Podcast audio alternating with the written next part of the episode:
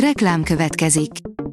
Ezt a műsort a Vodafone Podcast Pioneers sokszínű tartalmakat népszerűsítő programja támogatta, mely segít abban, hogy hosszabb távon és fenntarthatóan működjünk, és minél több emberhez érjenek el azon értékek, amikben hiszünk. Reklám hangzott el. Szórakoztató és érdekes lapszemlén következik. Alíz vagyok, a hírstart robot hangja. Ma május 30-a, Janka és Zsanett névnapja van. Hogyan lehetséges, hogy egy háborús bűnös gangster históriája tabu Magyarországon, írja a 444.hu. Kutruc Gizella hithű kommunista propagandista volt, aki a 80-as évek elején oknyomozásba kezdett. Évekig makacsul bolyongott a kádári bürokrácia labirintushában, majd olyan titokra lelt, amitől meghasonlott. A Joy oldalon olvasható, hogy az egyetlen szín, amit Katalin hercegné sosem hajlandó magán viselni. Katalint már a szivárvány összes színében láthattuk, de van egy bizonyos árnyalat, ami eddig kimaradt a listájából. A MAFA oldalon olvasható, hogy Stranger Things negyedik évad 1986 micsoda év volt. Megnéztem a Stranger Things negyedik évadának eddig megjelent részeit, és még mindig keresem a szavakat. A harmadik széria és az előzetesek után tartottam tőle, hogy az alkotók elfáradtak, és valami bárgyú, innen-onnan lokkodott, erőltetett történetet izzadtak ki magukból. Így izgatottan, de fenntartásokkal kezdtem hozzá a sorozathoz. Az NLC írja, Eurovízió, a győztes drónokat vásárol Ukrajnának. Az idei Eurovíziós dalfesztivált az Ukrán Kalus Orkesztra nyerte. A bandatagok árverésre bocsátották a díjukat, melyből 900 ezer dollár folyt be, amiből az ukrán hadsereget támogatják. Az in.hu oldalon olvasható, hogy ismét magyarok értek el átütő sikert a Britain's Got Talentben.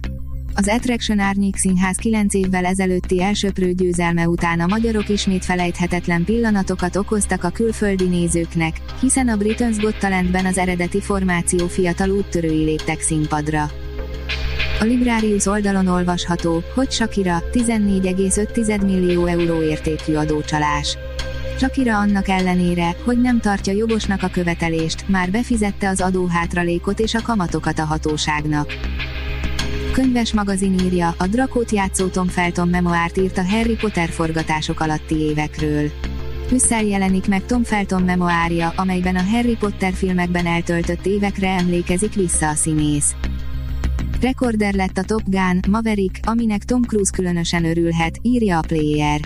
Bármilyen hihetetlen, hiába szerepelt már Tom Cruise igazi sikerek garmadájában, az még soha nem jött össze neki, hogy valamelyik filmje a nyitó végén átlépje a 100 millió dolláros álomhatárt az amerikai bevételek tekintetében.